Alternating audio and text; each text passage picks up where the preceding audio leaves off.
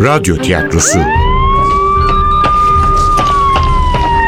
Başkomiser Nevzat'ın maceraları başlıyor.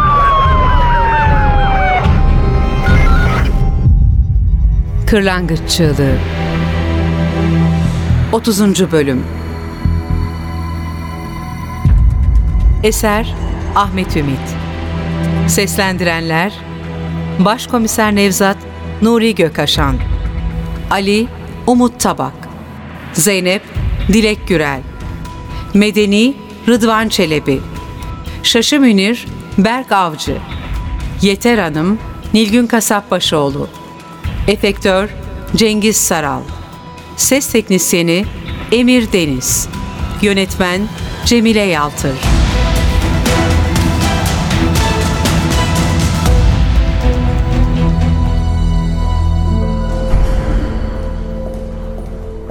Emniyetin beyaz floresanlarla aydınlanan uzun koridorunda önce o tanıdık zambak kokusu geldi burnuma.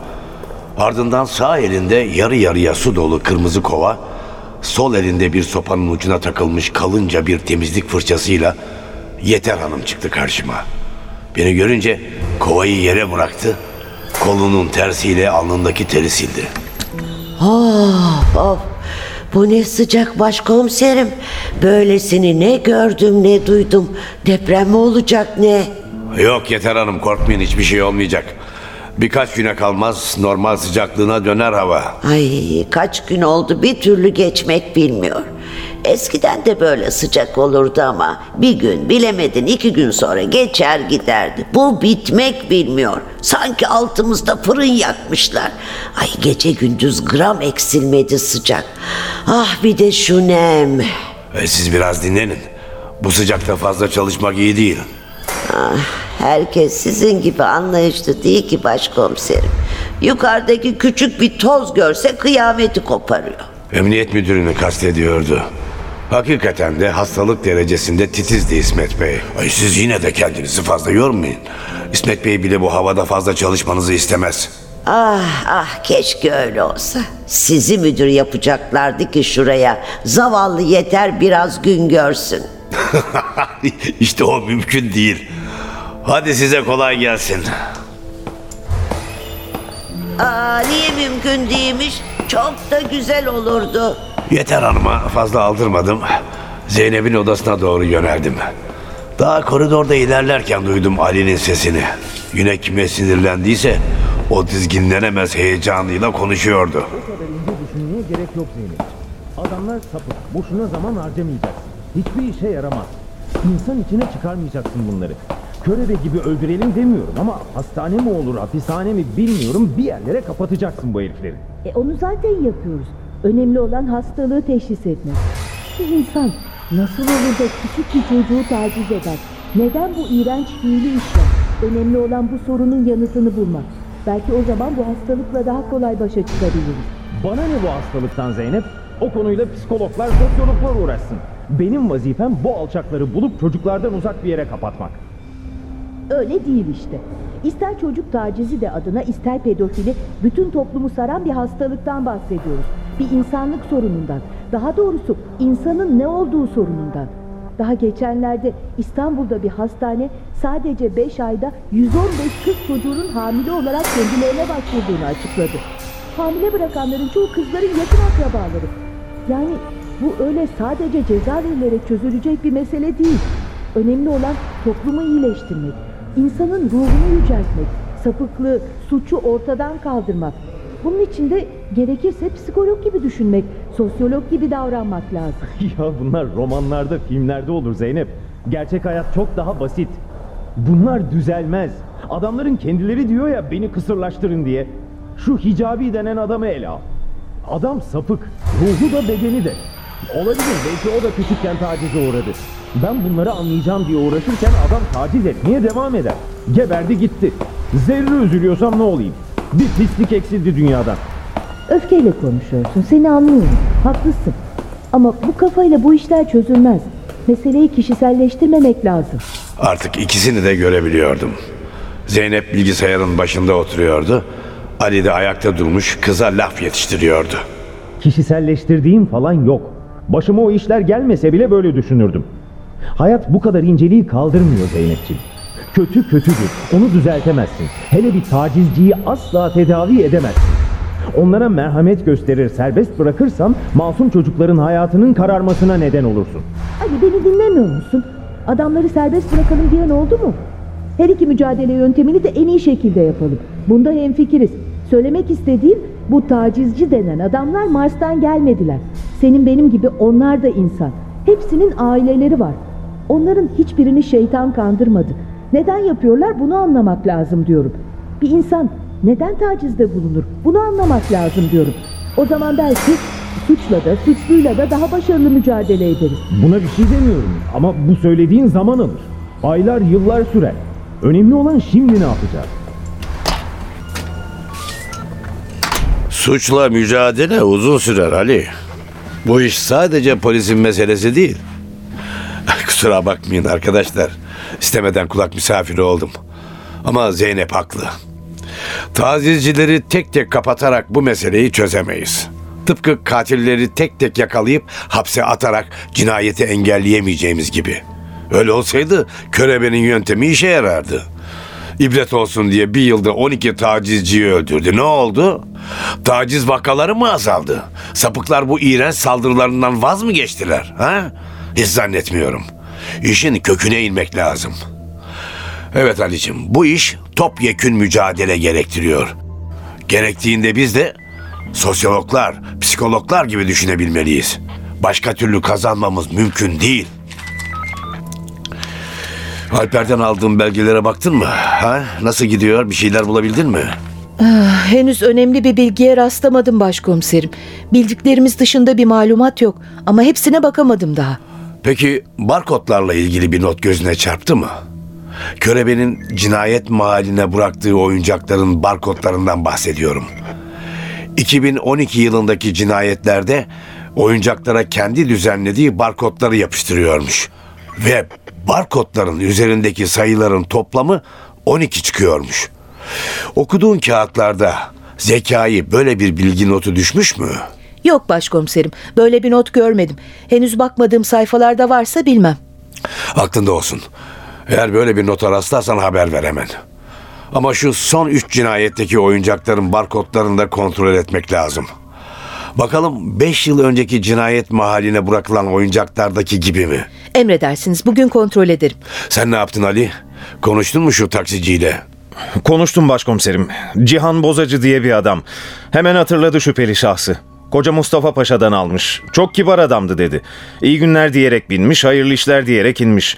Böyle müşteri yokmuş artık. Ama yol boyunca hiç konuşmamış. Bir derdi mi var diye düşünmüş taksici. Şüpheli şahıs taksideyken telefon falan gelmedi mi diye sordum. Yok dedi. Bomonti'ye gidene kadar arka koltuktaki köşesine büzülüp öylece oturmuş adam. Körebenin profiline uyuyor. Son derece titiz davranıyor. Muhtemelen bu taksiye binmeden önce birkaç araç değiştirmiştir. Evinin koca Mustafa Paşa'da olduğunu hiç zannetmiyorum. Belki profil resmi ortaya çıkarsa Zeynep'in bakışları başımın arkasında bir yere takılmıştı. Döndüm. Münir karşımda dikiliyordu. Merhaba başkomiserim. Odanızda yoktunuz. Temizlikçi kadın sizi burada bulacağımı söyledi. Medeni'yi de getirdim. Sorgu için hazır. Hadi gidelim o zaman. Ali sen de bizimle gel. Zeynep sen şu işi tamamla lütfen. Barkod konusu çok önemli. Lütfen atlama. tamamdır başkomiserim merak etmeyin. Bahar'ın otopsi sonuçları da geldi. Çocuk denizde boğulmuş. Ciğerleri tuzlu suyla doluymuş. Çocuk denize düştüğünde sağmış. Cinayet değil, kazaymış yani. Ve yanılmamışım. Çocuğun tek böbreği alınmış. Ama Medeni'nin söylediği gibi bir yıl önce değil. Altı ay önce. Onlar Kilis'ten geldikten sonra. Ameliyat İstanbul'da yapılmış olmalı. Yani Medeni çocuğun böbreğini satmış. Ayber Hanım'ın söyledikleri doğruya benziyor. Ama bu olayı Medeni ile konuşmadım. Birlikte sorgulayalım istedim. Teşekkür ederim Münir. Çok iyi yaptın. Bu olay körebe dosyası için de anahtar olabilir. Vallahi işinizi yapıyorsunuz başkomiserim ama bu körebeyi yakalamak iyi fikir mi ondan hiç emin değilim. Ali'nin de belli belirsiz gülümsediğini fark ettim. Kendi gibi düşünen birini görmekten mutlu olmuştu. Usulca başını sallayarak meslektaşına onay verdiğini görünce dayanamadım. Ya Münir sen ne diyorsun? Adam zekayı öldürdü önüne. Biz çıksak bir an tereddüt etmeden seni de beni de öldürür. Adam cani ya cani. Bu kadar mı çaresizsiniz? Artık bir caniden mi medet umar hale geldik? Zekai amirimi öldürmesini onaylayacak değilim. En ağır şekilde cezalandırılmalı. Ama şunu söyleyebilirim. Bu sapıklar karşısında kesinlikle çaresiziz. Yıllardır bu adamlarla uğraşan biri olarak evet itiraf ediyorum.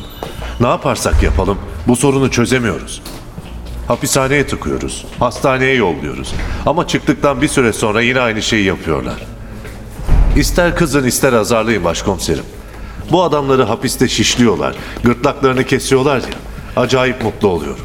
Bir polis için felaket bir durum Münir. Kabul ediyorum. Kabul ediyorum fakat mutluluğuma engel olmuyor. Bizim yapamadığımızı mahkumlar yaptı diye acayip seviniyorum. Ne diyeceğimi bilemedim. Suskunluğumu sözlerini kabul ettiğime yormuştum Münir. Geçen gün benim hanım bir tiyatroya bilet almış başkomiserim. Şu Shakespeare'in oyunlarından biri. Biraz sıkıldım ama iyi bir laf vardı. Çok etkilendim. Oyuncu şöyle diyordu. Cehennem boşalmış, şeytanlar aramızda. Aynen böyle başkomiserim. Bunların hepsi şeytan. Cehennemden kaçıp aramıza sızmışlar. O yüzden bunlara acımayacaksınız. Bıkkınlık ve umutsuzlukla konuşuyordu. Tartışmayı sürdürmenin manası yoktu. Zaten anlatsam da asla anlamayacaktı. O cehennemden kaçtı dediği şeytanların da aslında birer kurban olduğunu.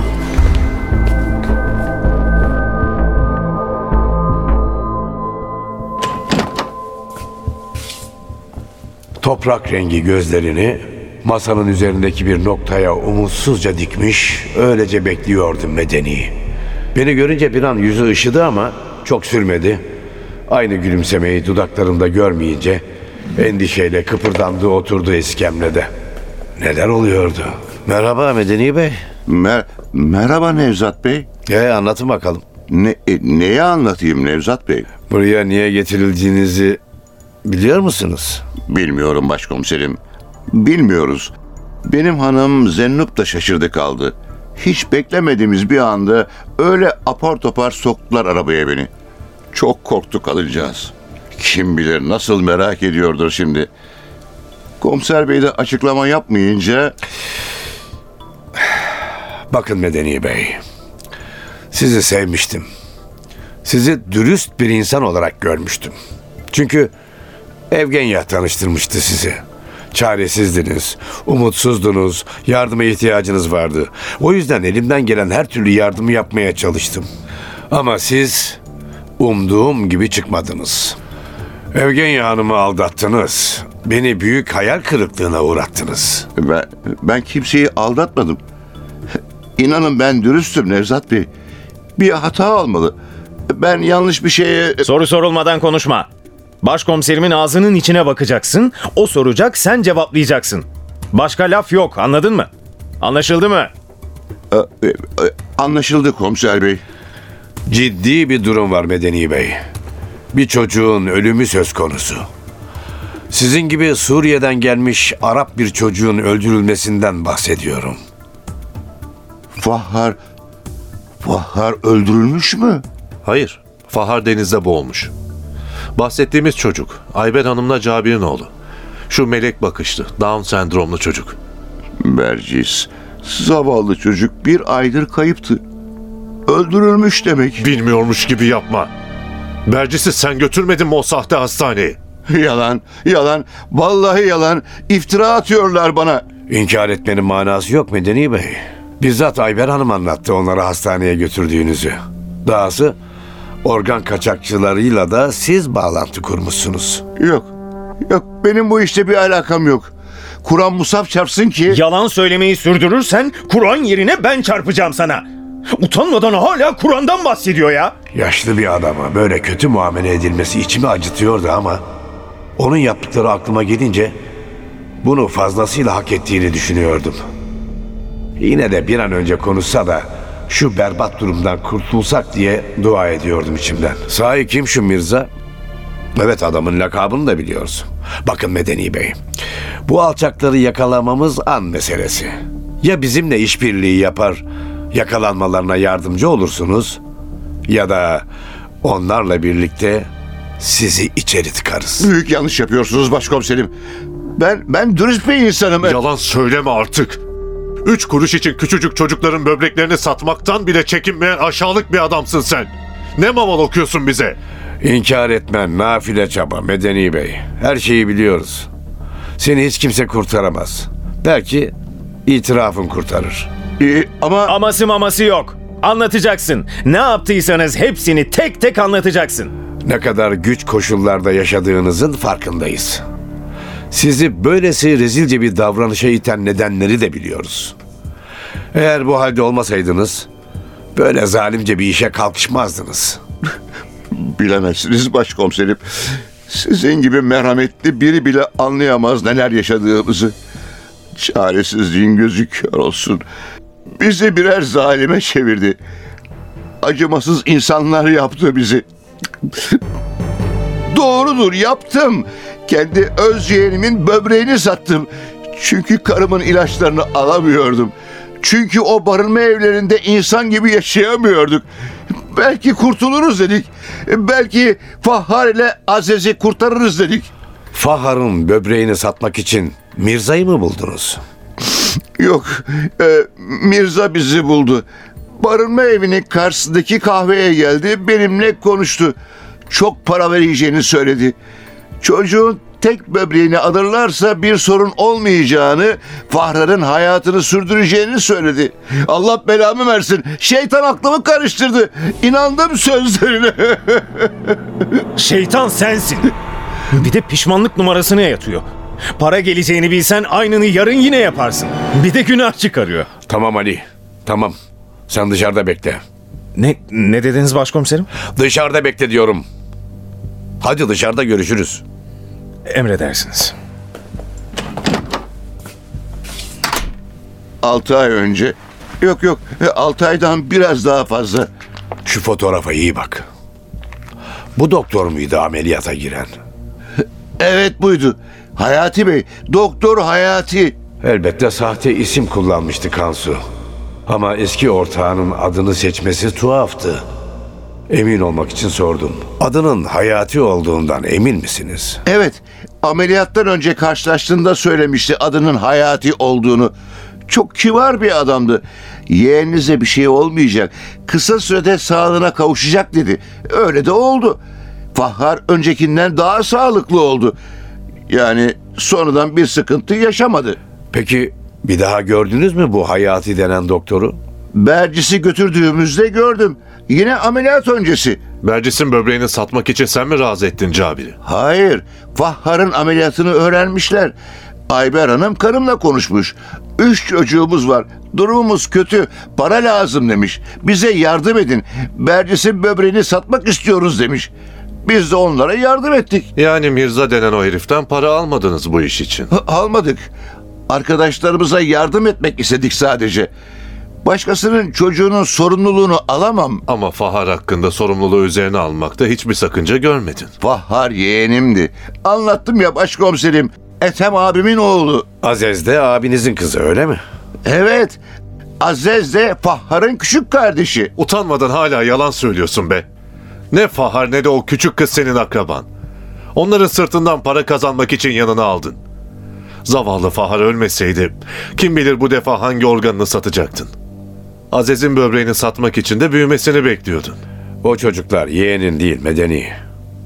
Fahar'ın ölümünden sorumlu değilsin. Ama yasa dışı olarak böbreğinin alınmasına sebep oldun. Aziz'e gelince onu kesinlikle elinden alacağız. Yapmayın. O kızı almayın bizden. Kabul. Çok kötü şeyler yaptım ama lütfen başkomiserim. Ne benden ne de karımdan zarar gelir ona. Aziz olmasa yaşamak için gayemiz kalmaz. Fahhar'ın böbreğini de onun için sattık.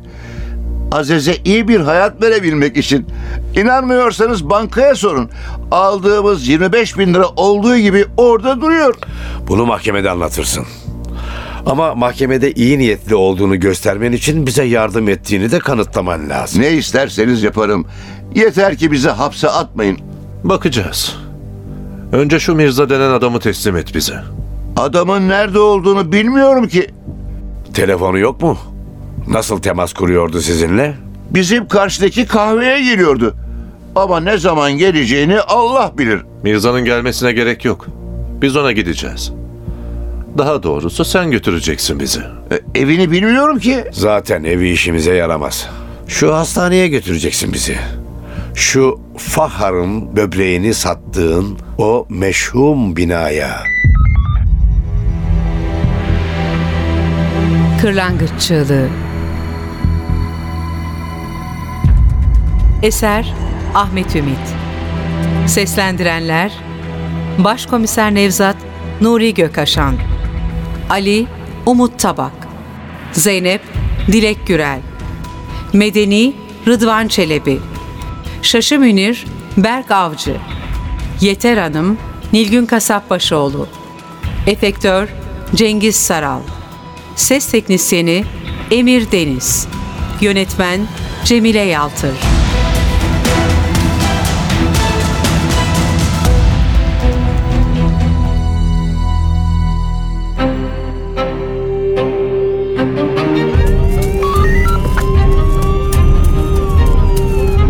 Radyo tiyatrosu Başkomiser Nevzat'ın maceraları Başkomiser Nevzat'ın maceraları her cumartesi 11.15'te NTV Radyo'da. Kaçıranlar ve tekrar dinlemek isteyenler içinse ntvradio.com.tr'deki podcast sayfamızda.